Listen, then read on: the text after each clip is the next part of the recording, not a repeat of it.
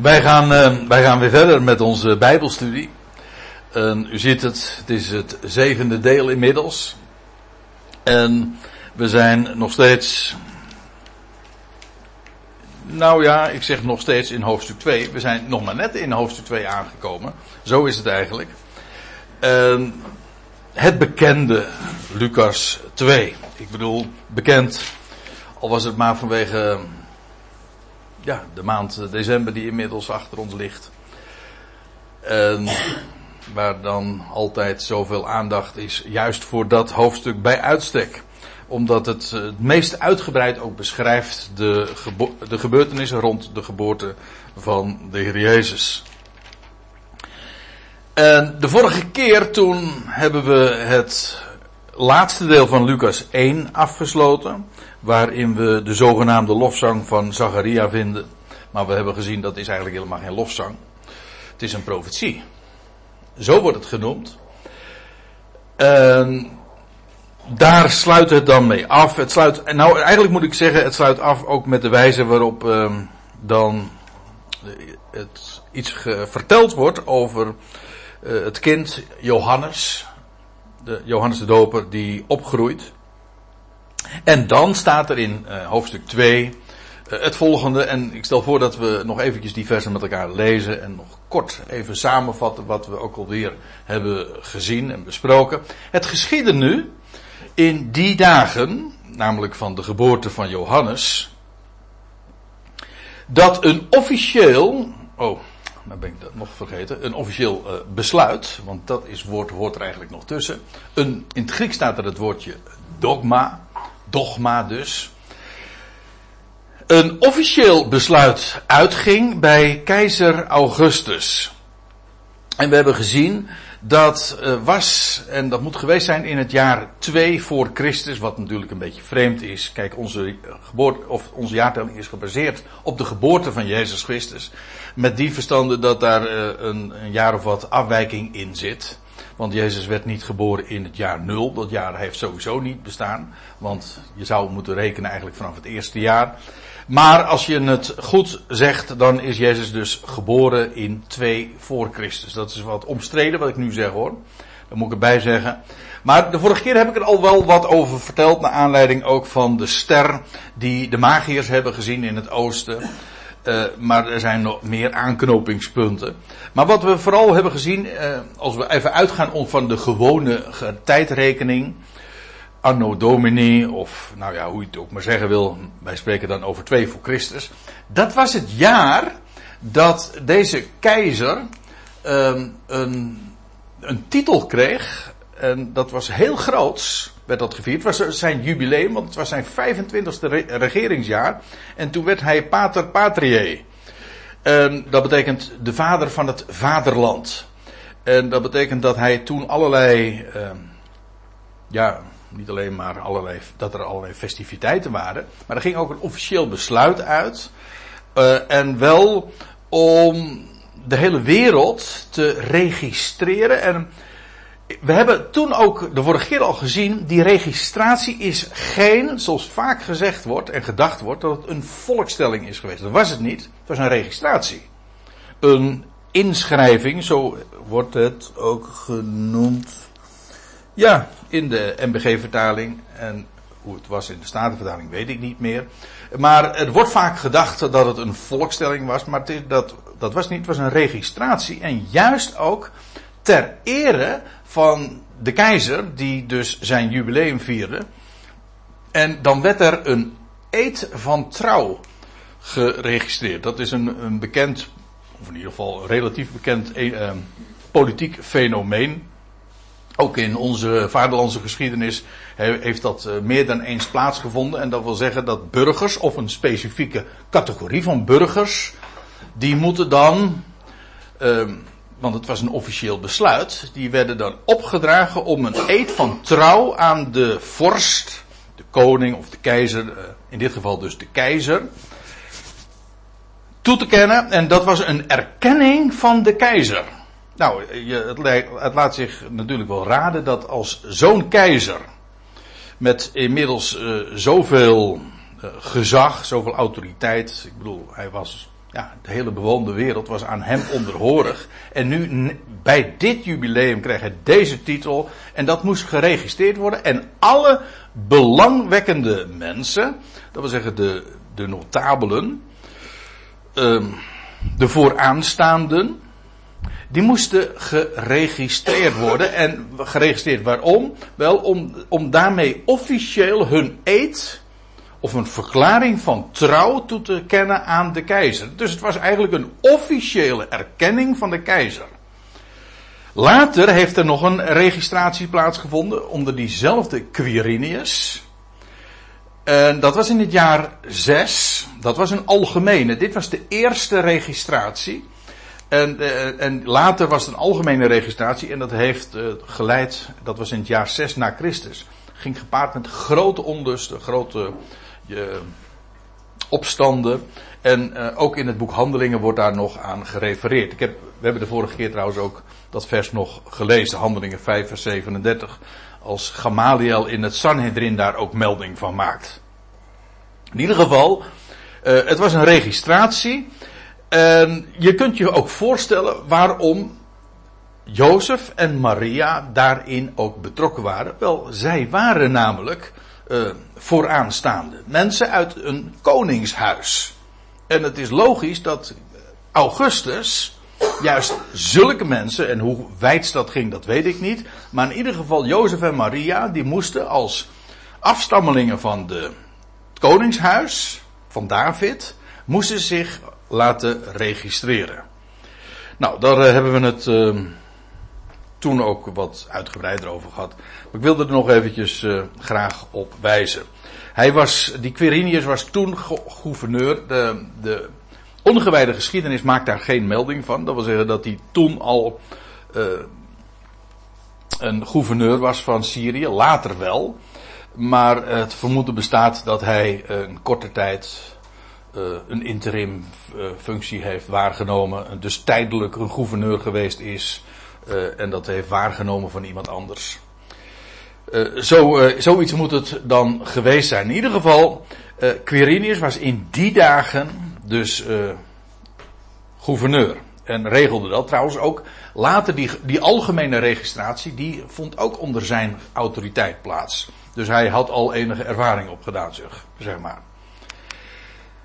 En staat er dan, en ze gingen allen, dat wil zeggen in de hele bewoonde wereld, allen die geregistreerd moesten worden, dus niet de hele wereld, niet alle mensen moesten daar uh, zich laten registreren, maar degene die daartoe werden opgeroepen. Degene die, van wie een eed van trouw werd gevraagd. En ieder ging tot zijn, in tot zijn eigen stad. Uh, de indruk wordt dan vaak gewekt alsof dat een hele volksverhuizing is geweest, maar dat hoeft helemaal niet. Ieder ging gewoon in zijn eigen stad. In dit geval Jozef en Maria, die moesten naar Bethlehem, naar de stad van David. Ja, waarom? Omdat dat het, de stad was waar de, het koningshuis van David ook uh, in ieder geval geacht werd uh, vandaan te komen. Vandaar dat het voor Jozef en Maria een reis is geweest, maar dat hoeft het in het algemeen helemaal niet geweest te zijn. Ik bedoel, als ik geregistreerd zou moeten worden bij zo'n gelegenheid dan zou ik gewoon, en u ook, denk ik, zou je gewoon in, ja, wat zou ik zeggen, mini, hè, uh, in Katwijk of in Capelle wezen, gewoon in je eigen woonplaats. Dus uh, vers 3, met de, het idee wat wij altijd hebben gehad, dat is wel eigenaardig, hè. We, we hebben daar natuurlijk wel vaker bij stilgestaan, dat als je heb over bekende geschiedenissen, daar krijg je, als je het al eh, zo vaak hoort, dan krijg je allerlei bijgedachten bij. Uh, bijvoorbeeld in dit geval ook dat er een volkstelling was en iedereen, die, de hele wereld was, was aan, het, aan het reizen. Maar dat staat er niet. Ieder ging gewoon in zijn eigen stad. Moest daar geregistreerd worden, dat zeggen. En dan nog degene die, het was een eerste registratie, dat zou je trouwens ook nog op kunnen vatten als de registratie van de eersten de voornaamste. De prominente dus. De notabelen, of hoe uh, dat ook maar heten mag. En, en dan, en nou pak ik de draad op in vers 4. Daar, tot zover zijn we dus gebleven. En laten we nu maar uh, verder gaan. En ook Jozef nu ging omhoog, ging op, staat er. Ja, hij trok op, maar dat moet je heel letterlijk uh, nemen. Hij ging omhoog, want dat is. Uh, hij ging namelijk naar het berglandschap van Judea. Hij ging vanaf Galilea, vanuit de stad Nazareth tot in Judea. En dat is een reis opwaarts. Vandaar dus met recht, uh, hij ging omhoog. Dat is dus uh, zonder dat je daar, uh, hoe heet dat ook weer, vlieg.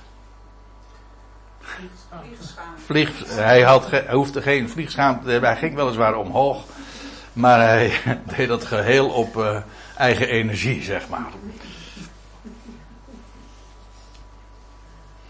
Ja. Mooie term, hè? uh, overigens, ja, wij zouden natuurlijk uh, bij zo'n gelegenheid uh, in ieder geval de auto pakken. En als je een beetje geld hebt, dan pak je het vliegtuig. Maar dat heeft hij natuurlijk niet gedaan. Het was toch altijd nog een reis. Als je een rechte lijn trekt, dan is dat zo ongeveer 140 kilometer. Ik geef het je te doen. En zeker als je dan eventjes je realiseert wat voor omstandigheden dat waren. Ik bedoel, uh, in de omstandigheden waarin Maria verkeerde. Maar. Ik heb pas uh, gehoord, of twee, drie weken terug, of vier weken nog, op de tv, een uitzending. Er is nog een Bethlehem. Ja. Dichterbij, ongeveer 7 kilometer. Vlak bij Nazareth, ja. En er is niks te doen natuurlijk, maar in dat andere Bethlehem, allemaal toeristen en zus en zo.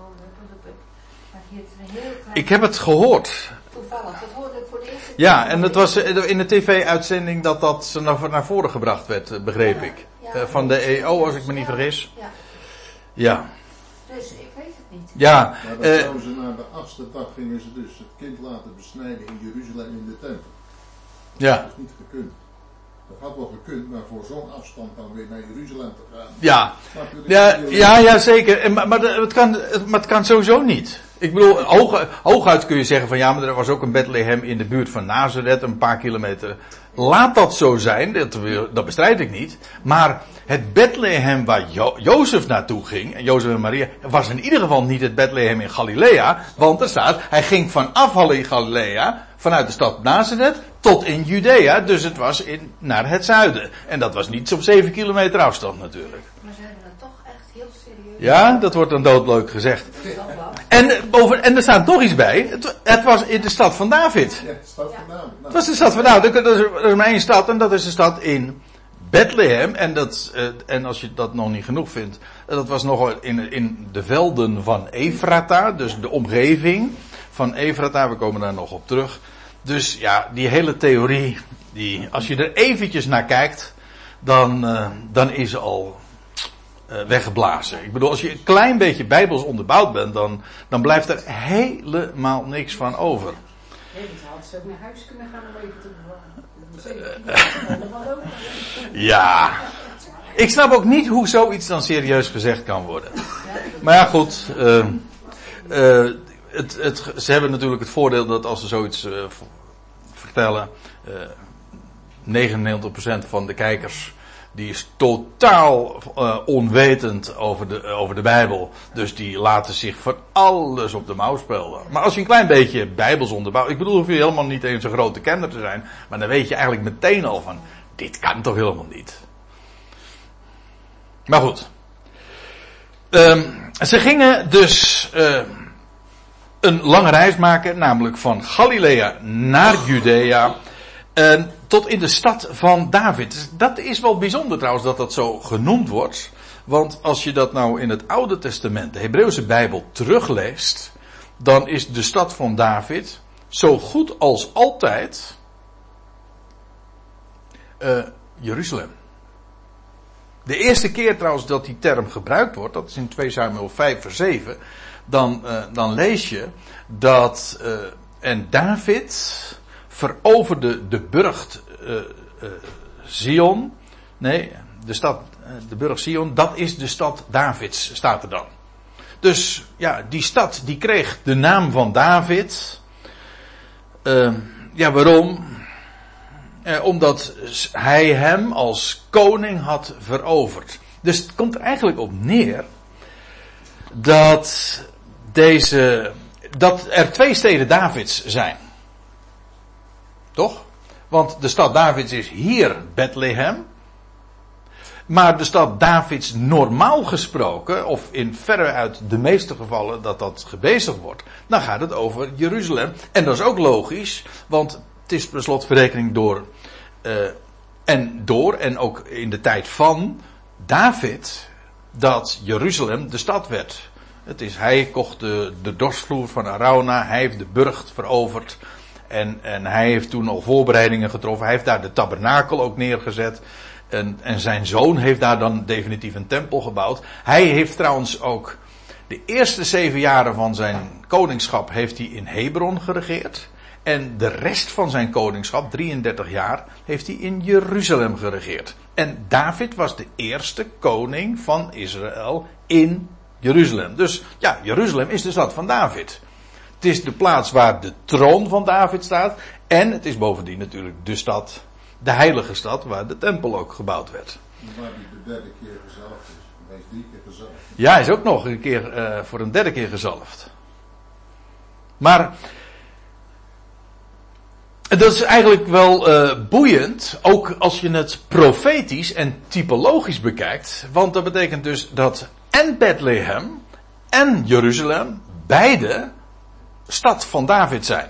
Maar je, Bethlehem is de eerste stad van David. Dat was namelijk de stad waar hij geboren is. En uh, het is de stad waar hij herder was. Of zal ik zeggen, een goede herder was.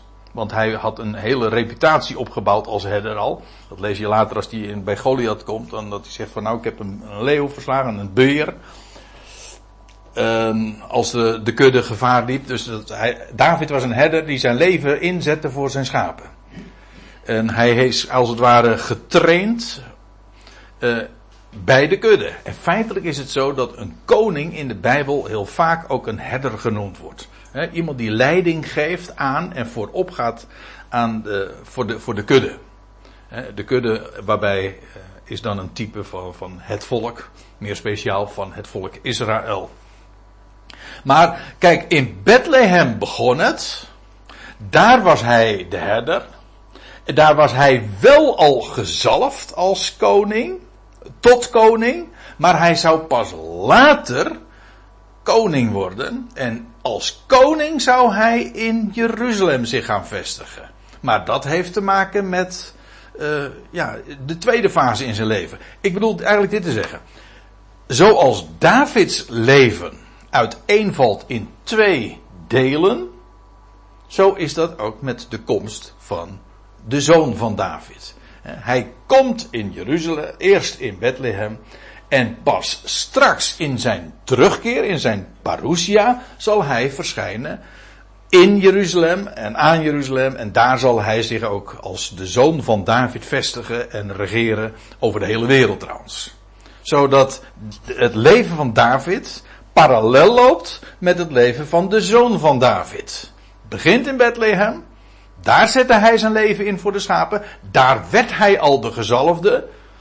Maar het zou pas jaren later zijn dat hij daadwerkelijk ook de koning werd in Israël. En tussen die tijd, uh, ja, was hij, uh, want dat, is, dat moet je er eigenlijk ook nog even bij rekenen ja, je, je hebt dus de tijd dat hij in Bethlehem was, dat staat voor zijn eerste komst. Je hebt de tijd dat hij in Jeruzalem de koning was, dat staat voor zijn wederkomst. En de tijd daartussen, dan, dat is de tijd dat hij weliswaar gezalfd is als koning, bestemd is toch voor het koningschap, maar niet erkend wordt. En eigenlijk op de vlucht is, een outsider is, in het verborgene zich uh, ergens ophoudt met een, een groep van, ja, uh, Adulamieten. Hè? uh, ja, hij was in de grotten van, uh, in, in de spelonk van Adullam. En Adullam betekent eigenlijk, Adullam, Adolam, dat heeft te maken met in de verborgenheid. En daar was hij met een legertje. En wat ook zo mooi is als je dan toch met die lijnen en die parallellen bezig bent. Wat zo geweldig mooi is. Degenen die met hem waren in de tijd dat hij verworpen was. En dat is de tijd waarin wij nu leven. Ik bedoel, Bethlehem, Jeruzalem. Eerste komst, wederkomst. Dit is de tijd dat hij verworpen is. Maar in die tijd dat hij verworpen is, heeft hij een legertje van, ik moet erbij zeggen, nietswaardige lieden. Want dat waren het, waren allemaal mensen in de problemen en schuldeisers hadden en whatever. Uh, je zou er geen stuiver voor geven. Maar degenen die bij hem waren, die hadden het goed, dat is één ding, want ze werden uh, verzorgd ook door David. Maar bovendien, degenen die bij hem waren en deelden in zijn verwerping, die zouden later koninklijke posten krijgen en uh, functies krijgen in het koninkrijk van David. Dus zij deelden in zijn verwerping, maar ze deelden later, toen hij koning was in Jeruzalem, in zijn verhoging en in zijn koningschap. En ze kregen belangrijke functies in zijn koninkrijk. Dit, mensen, loopt perfect, parallel met het plaatje van Christus, die nu verworpen is, en degene die zich nu bij hem voegen, of die bij hem gevoegd zijn, of degene die eigenlijk in nood naar hem uh, de, uh, de, de toevlucht tot hem hebben genomen. Ja, die zijn bestemd om met hem ook straks in heerlijkheid te heersen. Is toch geweldig? Dat je de, dat die, dat die lijn van David en de zoon van David volstrekt een perfect parallel loopt. Afijn, eh, het begon ooit allemaal in uh, Bethlehem. En dat is daarom ook met reden dus de stad van David. Al is het niet de definitieve stad van David. En er staat die Bethlehem genoemd wordt. Ja, Bethlehem, dat weten we.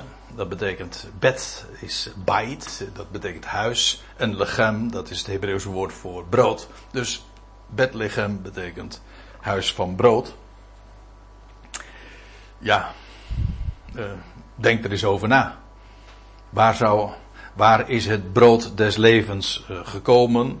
Waar is dat zo uit de hemel gekomen? Uh, dat is daar, in het huis van het brood. En de eerste keer uh, dat deze plaats genoemd wordt, nee, dat is niet helemaal correct wat ik nu zeg.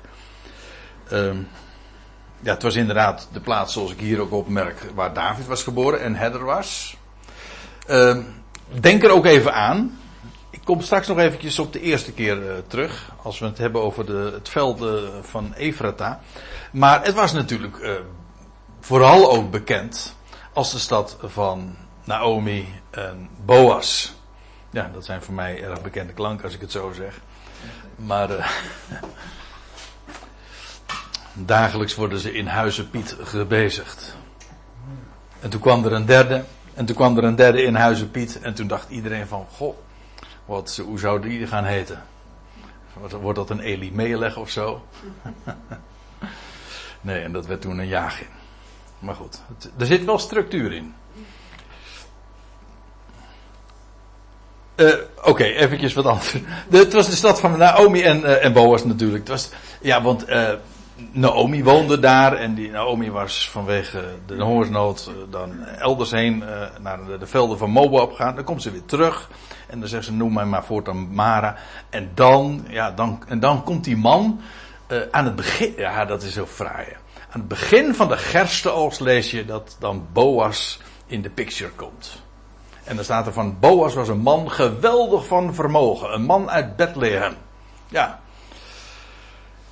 Is een prachtig maar In hem is kracht betekent Boas. En hij, en het begin van de gerstenoogst Trouwens, gerstenoogst, daar wordt brood van gemaakt. Dus brood, ja, dat is. Uh, hè? Hè? Ja, dat is met Pasen. Dat is het, want er is een officieel, dat is het mooie, het, er is een officieel begin van de gerstenoogst. En dat heet de dag van de eerstelingsscharven. En het is op die dag geweest dat de Heer Jezus Christus opstond uit de doden. Dus uh, als Jozef, pardon, als Boas aan het begin van de gerstenoogst uh, in de picture komt, daar, die man van Bethlehem, uh, dan is dat precies de dag dat later, de datum, dat Jezus Christus zou verrijzen uit de dood. En als je mij vraagt, is dat dezelfde tijd geweest, want dat, dat de Heer Jezus ook geboren werd, dat was namelijk ook met Pesach. Maar dat voert nu even te ver. Daar gaan we het trouwens nog wel over hebben. Maar niet vanavond, denk ik. Ja, en uh, als we het hebben over Bethlehem, ja, dan kun je natuurlijk allerlei geschiedenissen in het Oude Testament uh, naar voren halen. Ik noemde nu even, nou, misschien wel een hele markante. Per slotverrekening, Naomi en Boas zijn ook de stamouders weer van David. Er zitten een paar generaties tussen. Maar uh, belangwekkend is natuurlijk vooral dat Bethlehem de stad is waar de Messias geboren zou worden. En dat weet elke Jood. Ik bedoel, in het oude, dat lees je ook al in het, uh, in het Nieuwe Testament. Er staat in Micha 5, dat is een, een belangwekkende profetie, dat hij zegt, en jij Bethlehem Efrata, die twee Bethlehem en Efrata zijn eigenlijk twee termen voor één plaats. Efrata is misschien wat meer het veld en Bethlehem het dorp, de stad zelf. Maar in ieder geval, en jij Bethlehem Efrata, al ben je klein onder de geslachten van Juda. Dat wil zeggen, dat was een klein dorpje, uh, relatief uh, gering, te midden van de steden van Juda. Uit jou zal mij of voor mij voortkomen die een heerser zal zijn in Israël en wiens oorsprongen is van ouds, van de dagen der Aion. Uh, er staat er heel ja, geladen. Het staat er ook wat cryptisch. Maar het geeft wel aan dat degene die geboren zou worden en die bestemd zal zijn, bestemd is om de heerser te zijn in Israël, wel, uh, hij is in werkelijkheid van veel ouder datum. Hij is namelijk het woord dat vlees geworden is. Niet waar? Maar uh, waar het me even om gaat is dat uh, door de profeten al in het Oude Testament, in de Hebreeuwse Bijbel, al Bethlehem was aangewezen als de stad waar niet alleen maar in het verleden ooit een Boas en een David geboren werd, maar waar in de toekomst, toen, in die dagen nog toekomst, ook de Messias, Israëls Messias, geboren zou worden. Niet alleen maar uit in de stam van Juda en niet alleen maar uit de, in de stad van David, maar ook, eh, pardon, niet alleen maar uit het, uit het huis van David, maar ook in de stad van David. Dus eh, heel specifiek wordt dat geprofiteerd. Dus niet alleen maar welke, via welke erfelijke lijn dat zou gaan, dat het een, een uit het koningshuis van David zou zijn, maar ook de stad wordt al aangewezen. Dat is de stad waar de, de heerser van Israël uh, zal worden geboren. Daar in het broodhuis. In, uh, in Johannes 7, daar lees je dat er discussie is over, en dat is dan inmiddels in Jeruzalem, dat er is uh, dat er discussie bestaat over, uh, grote twist zelfs, over de identiteit van Jezus. En dan en ik, ik, ik, citeer nu, het is even midden in het gedeelte, maar dan staat er, ja, dan gaat het dus over de vraag van, ja, wie is het dan? En anderen zeiden, deze is de Christus. Die zagen dat toch wel van, dit moet wel de Christus, de beloofde Messias zijn. Maar uh, weer anderen zeiden, de Christus komt toch niet vanuit Galilea? Kijk, zie je hoe soms onkunde je volkomen op het dwaalspoor kan zetten. Daar hadden we het net al even over. Maar ook dit is weer. Kijk, op zich is hun opmerking niet zo gek. Zij, wat zij wisten, dat is dat Jezus uit Nazareth kwam. En dat is terecht. En dan zeggen ze van ja, maar als hij uit Nazareth komt, dan kan hij toch onmogelijk de Christus zijn, want die komt toch niet uit Galilea. En dan zeggen ze, dan kunnen ze ook nog staven vanuit de schrift ook, zegt de schrift niet dat vanuit het zaad van David, dat is de biologische lijn zal ik maar zeggen. Vanuit het zaad van David en vanaf het dorp Bethlehem, hier heet het een dorp, waar David was, de Christus komt. Nou, en dan staat er, en ontstond dan scheuring, schisma staat er eigenlijk, in de schade vanwege hem. En allemaal eigenlijk gebaseerd op de onkunde, want men wist niet dat hij die, de man van Nazareth, dat hij ooit geboren was in Bethlehem.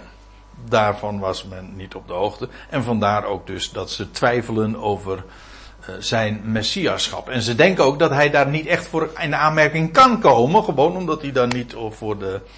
Uh, ja. Zijn eh, papieren, zeg maar, deugen niet. Dat zou dan het idee zijn.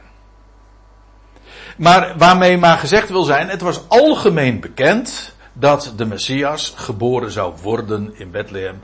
En we zullen het ook nog wel hebben een, een volgende avond over de magiërs uit het oosten. Dat heeft dan even vooral te maken met de vraag wanneer die gekomen zijn en waar ze gekomen zijn. Dat is wel een hele interessante vraag. Daar ben ik juist de laatste tijd uh, heb ik uh, wat bijzondere ontdekkingen over gedaan. Dus dat wil ik graag nog eens vertellen. Maar daar gaat het, het gaat, daar wil, dat wil ik nu nog niet doen.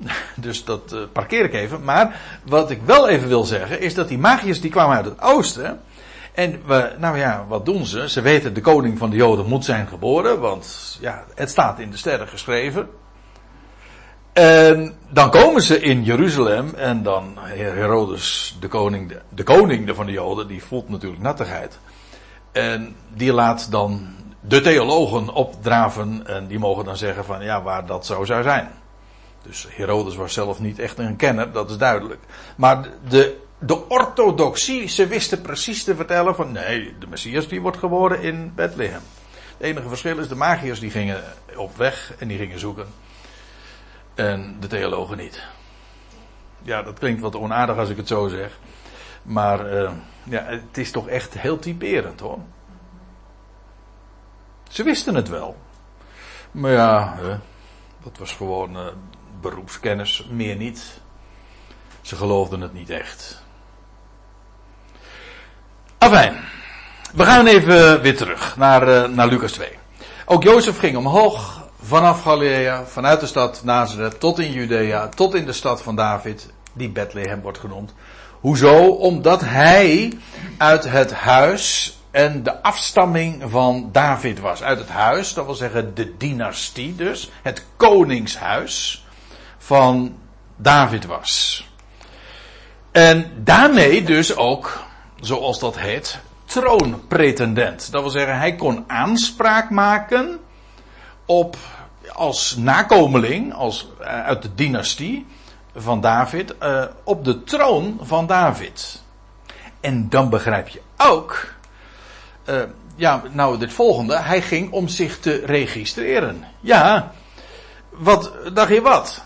Dat keizer Augustus, die nu zijn, in zijn jubileumjaar is, vader des vaderlands was geworden. Hij, hij wilde nu een registratie hebben van alle mensen die er echt toe deden en die ook een aanspraak zouden kunnen maken als, als afstammelingen van een koningshuis. Dat zij trouw zouden beloven aan de keizer.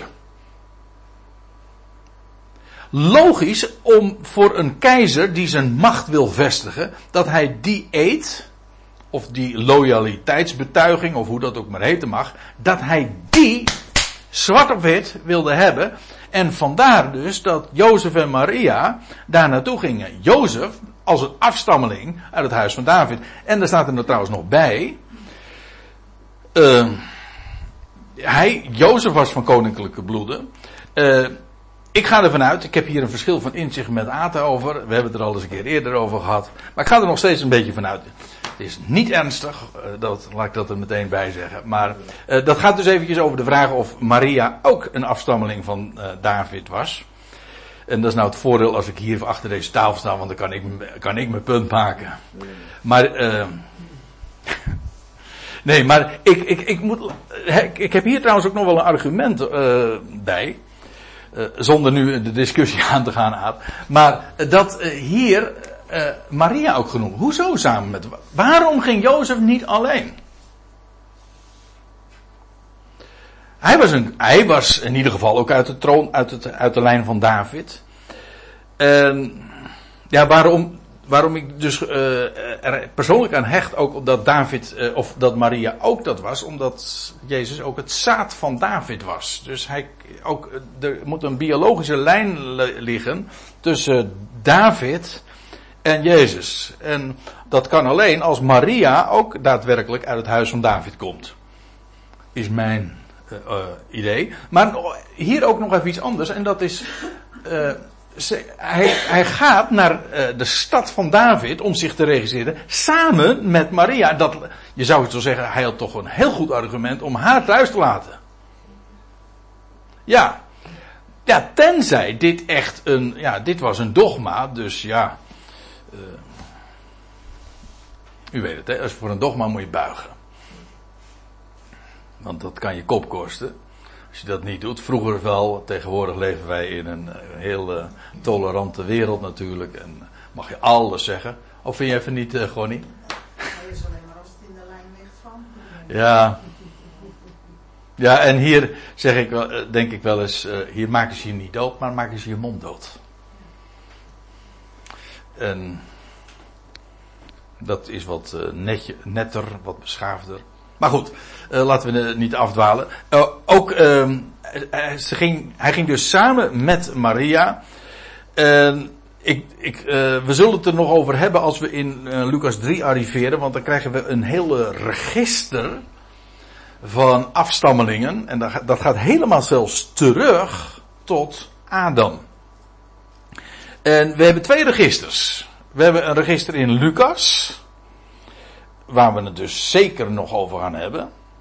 En we hebben ook een register in Matthäus. En die lijn loopt. Uh, dat is eigenlijk ook. Er zijn verschillende takken van de familie. Ik geloof dus dat uh, Maria uit een andere tak van de familie kwam. Van, van David. Dan Jozef. Jozef kwam via Salomo.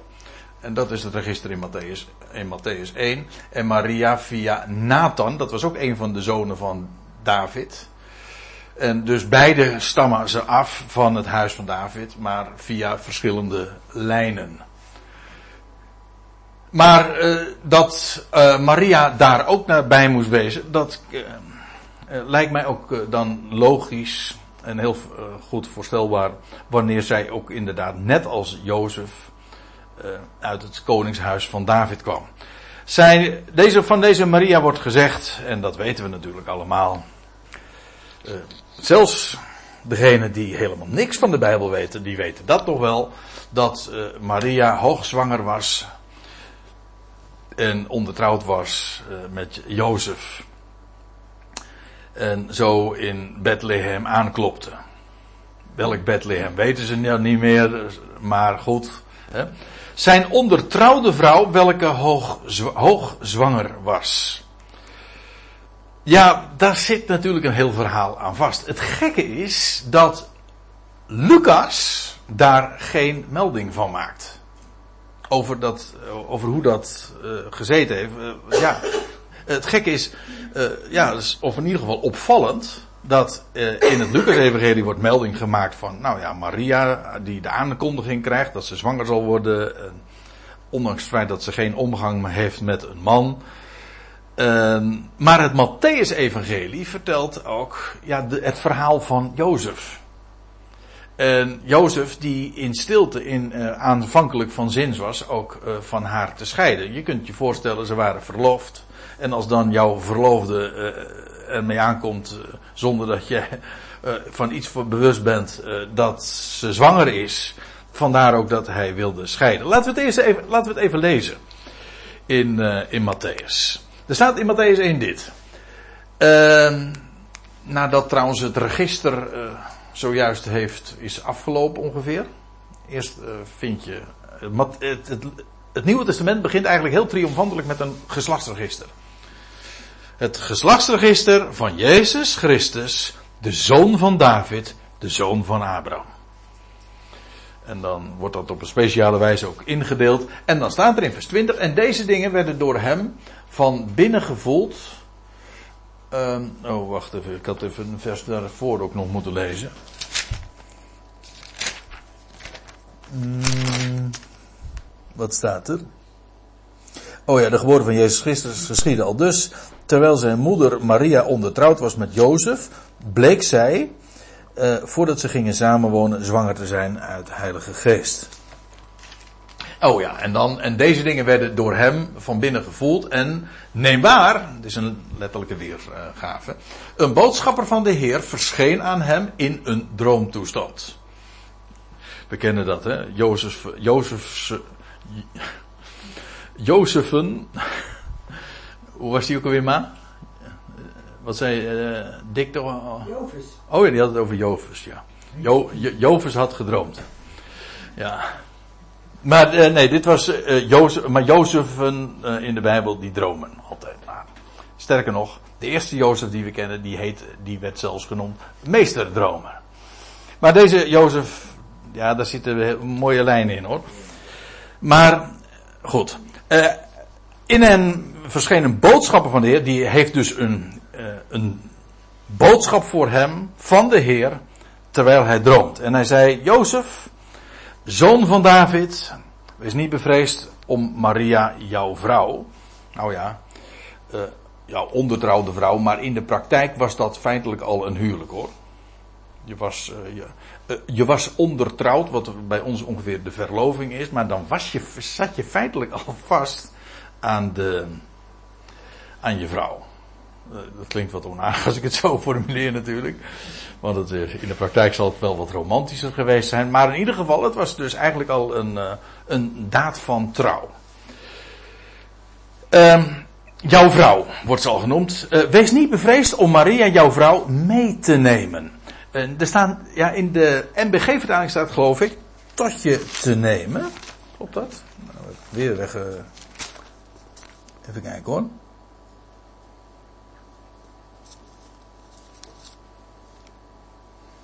Uh, ja, tot u te nemen. Wordt er in de MBG-vertaling, maar er staat letterlijk mee te nemen. Ik denk dat het hier gewoon gaat over de reis naar Bethlehem.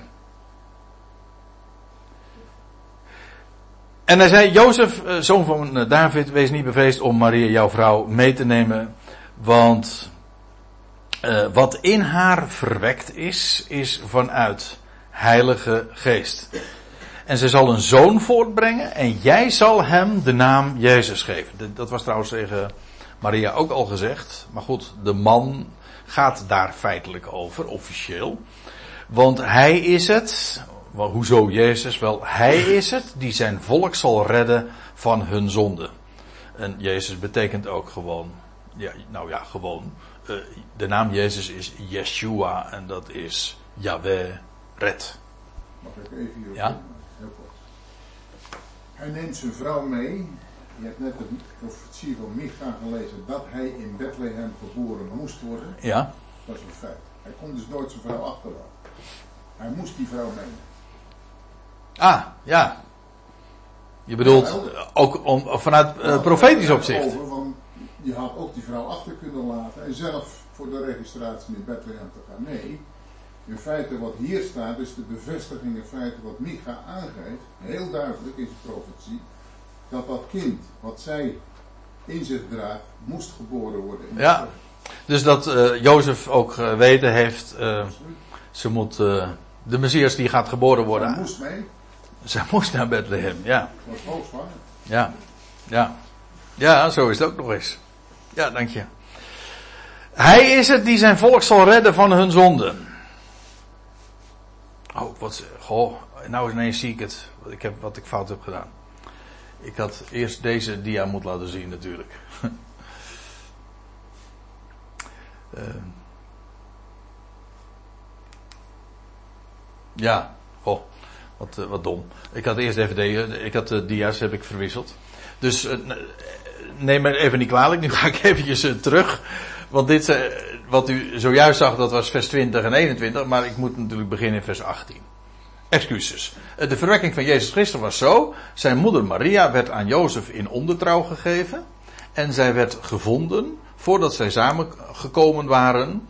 Hoe, uh, dat wordt heel netjes gezegd, hè, zwanger te zijn vanuit Heilige Geest. En Jozef, haar man, was rechtvaardig en hij wilde haar niet openlijk te schande maken. En hij was van plan haar heimelijk weg te zenden. Ja, dat laat zich raden. Dus uh, hij had daar een heel goed uh, argument ook voor. Maar goed. Uh, en, oh ja, en dan. En dan krijgt hij die boodschap in, in de droom, waarbij die dus volledig bever, ja, gerustgesteld wordt hoe de vork werkelijk aan de steel zit. En dat maakt het natuurlijk uh, totaal uh, anders allemaal. En, dan sta, en nou, nou pak ik uh, wel weer de goede dia. En Jozef werd uit zijn slaap gewekt. En hij deed zoals de boodschappen van de Heer hem gebood. En hij nam zijn vrouw mee. Ja, waar naartoe? Naar Bethlehem. En hij staat er, hij had geen omgang, geen seksuele omgang natuurlijk, eh, met haar totdat zij een zoon voortbracht. En hij gaf hem de naam Jezus. En nou heb je wat overlap met de, de verhaallijn van Lucas. Want ook Lucas spreekt hiervan, maar die laat het grootste gedeelte van eh, deze dingen weg. Want uh, straks zullen we ook nog tegenkomen in Lucas dat inderdaad bij de besnijdenis Jezus de naam, uh, zijn naam krijgt. Uh, dat wordt hier weer niet verhaald. Ja, dat is logisch. Elke geschiedschrijver heeft, uh, licht de, daar die dingen uit die, ja, die voor zijn verhaal en voor zijn compositie zeg maar, er werkelijk toe doen. Zodat je die beide geschiedenissen elkaar alleen maar aanvullen. waar het natuurlijk even om gaat is dat Lucas zegt van ja, nou ja, zijn vrouw was hoogzwanger. En dan staat er, en het geschiedde nu, toen zij daar waren, in Bethlehem dus, inmiddels, dat de dagen vervuld waren om te baren. Oftewel, de negen maanden waren voorbij, de veertig weken zo u wilt. En dan, en zij baarde haar zoon, de eerstgeborene. Wat trouwens op zich al betekent, zou je zeggen, dat er nog meer kinderen zouden volgen. Volgens de Rooms-Katholieke Kerk is dat niet zo, want is Maria maagd gebleven. Een heel vreemd verhaal, maar die hebben dus ook al niet veel kaas gegeten van de Bijbel. He? He? Sorry? Uh, hoe bedoel je dat, Kees? Van de Rooms-Katholieke Kerk gaat, als het meer kinderen had gekregen, dan, uh, dan bracht het, nou brengt ze veel geld op. Oh, je bedoelt omdat ze. Ja, ja, ja. Ja, en dan. Ja, het is dus voor, voor de katholieke, uh, Rooms-Katholieke Kerk. Uh, ik noem maar niet de katholieke kerk, want de, dat vind ik te veel eer. Maar uh, de Roomskerk, die heeft dus dat zo. die, die acht dit zo belangrijk. Dat, en is het nog steeds inderdaad de Maagd Maria je zou nog kunnen zeggen van ja, haar eerstgeborene, dat heeft in de Bijbel gewoon de betekenis van degene die, dat is het kind dat de baarmoeder opent, zoals dat heet.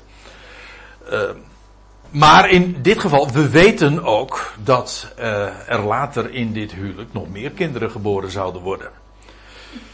In Marcus 6 vers 3 worden ze zelfs bij name genoemd, tenminste zijn broers, zijn zussen niet. Uh, maar in ieder geval heeft uh, Maria nog zes kinderen gehad. Minimaal. Want eerst Jacobus. Nou, dat is een bekende. Want dat is de broeder des Heren. Dat was laat, degene die later een hele leidinggevende rol kreeg in Jeruzalem, in de gemeente van Jeruzalem. Die ook van wie we nog een hele bekende brief hebben gekregen. Waar Luther niet zo blij mee was, weet je wel. Eh, gericht aan de twaalf stammen. Zijn naam suggereert dat al, Jacob. Hè? Dus ja, dan, ga je, dan, ben je de vader van de twaalf. En dan heb je ook wat aan de twaalf te melden. Dat is die Jacobus. Dan heb je nog uh, een Jozef. Die was dus uh, genoemd naar diens vader. Judas. Die ook in de Bijbel trouwens bekend is. Want we hebben daar een briefje van. De brief van Judas. En ja, dat loopt een beetje vreemd, maar die Judas die stelt zich voor als de broer, broeder van Jacobus. Maar Jacobus was de broeder van de Heer. Zodat Judas wel degelijk ook. Hij was dus ook een broeder des Heren. En Simon ook natuurlijk. En Jozef en Simon ook, alleen die zijn voor de rest, voor zover ik weet, eh, niet meer eh, te achterhalen. Of eh, die hebben geen vooraanstaande rol gespeeld. Jacobus en Judas wel. En de beide zussen, eh, die kennen we ook niet bij naam. Maar eh, er staat van, en zijn haar, eh, hun zussen, zusters, ook niet in ons midden. Dat betekent dat er in ieder geval twee zijn geweest. Misschien nog meer. Maar minimaal twee dus die, waarvan we de naam dan niet we- weten. Maar in elk geval, hier wordt de eerstgeborene geboren. En dat is in de Bijbel een belangwekkend eh, gegeven, hè? dat weten we allemaal. En eh, ik had het net over Judas, en, maar dan denk ik meteen aan Juda. En we kennen allemaal wel het verhaal van eh, Juda, die de vader werd. Ja, hè? Dat is allemaal niet zo netjes. Van twee jongens. En toen was er nog een hele toestand om te achterhalen wie nou eigenlijk de eerstgeborene was.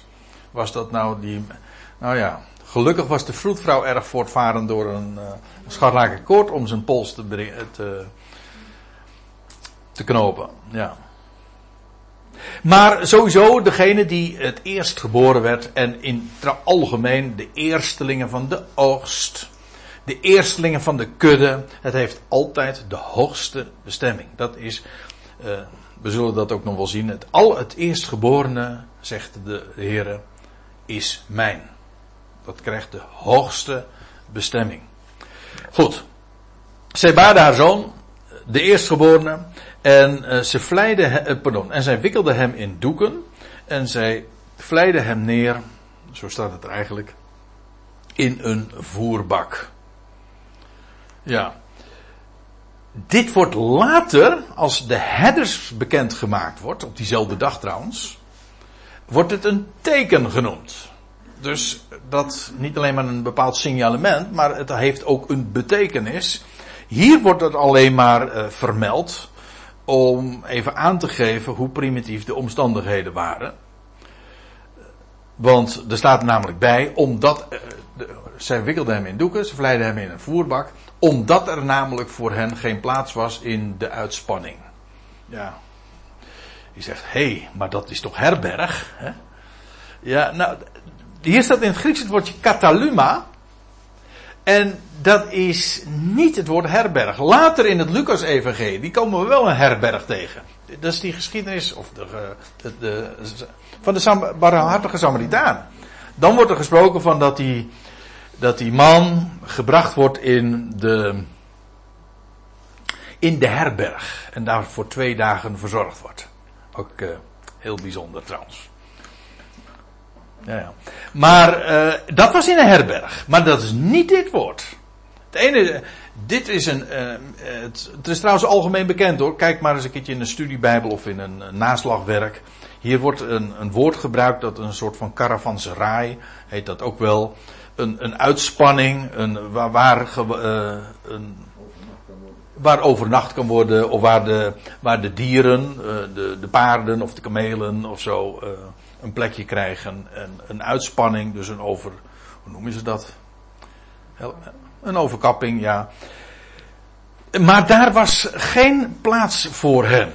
Wat, uh, ja, het idee is natuurlijk, dat het hoeft nog niet eens per se te betekenen, dat wordt er vaak wel uh, ook weer bij gedacht, van het was er zo vol. Nee, er was geen plaats voor een bevallende vrouw. Dan hoeft het nog niet eens vol te worden zijn, maar niet elke plaats is daarvoor geschikt natuurlijk om een vrouw te laten bevallen en om daar het kind zeg maar uh, neer te leggen, et cetera.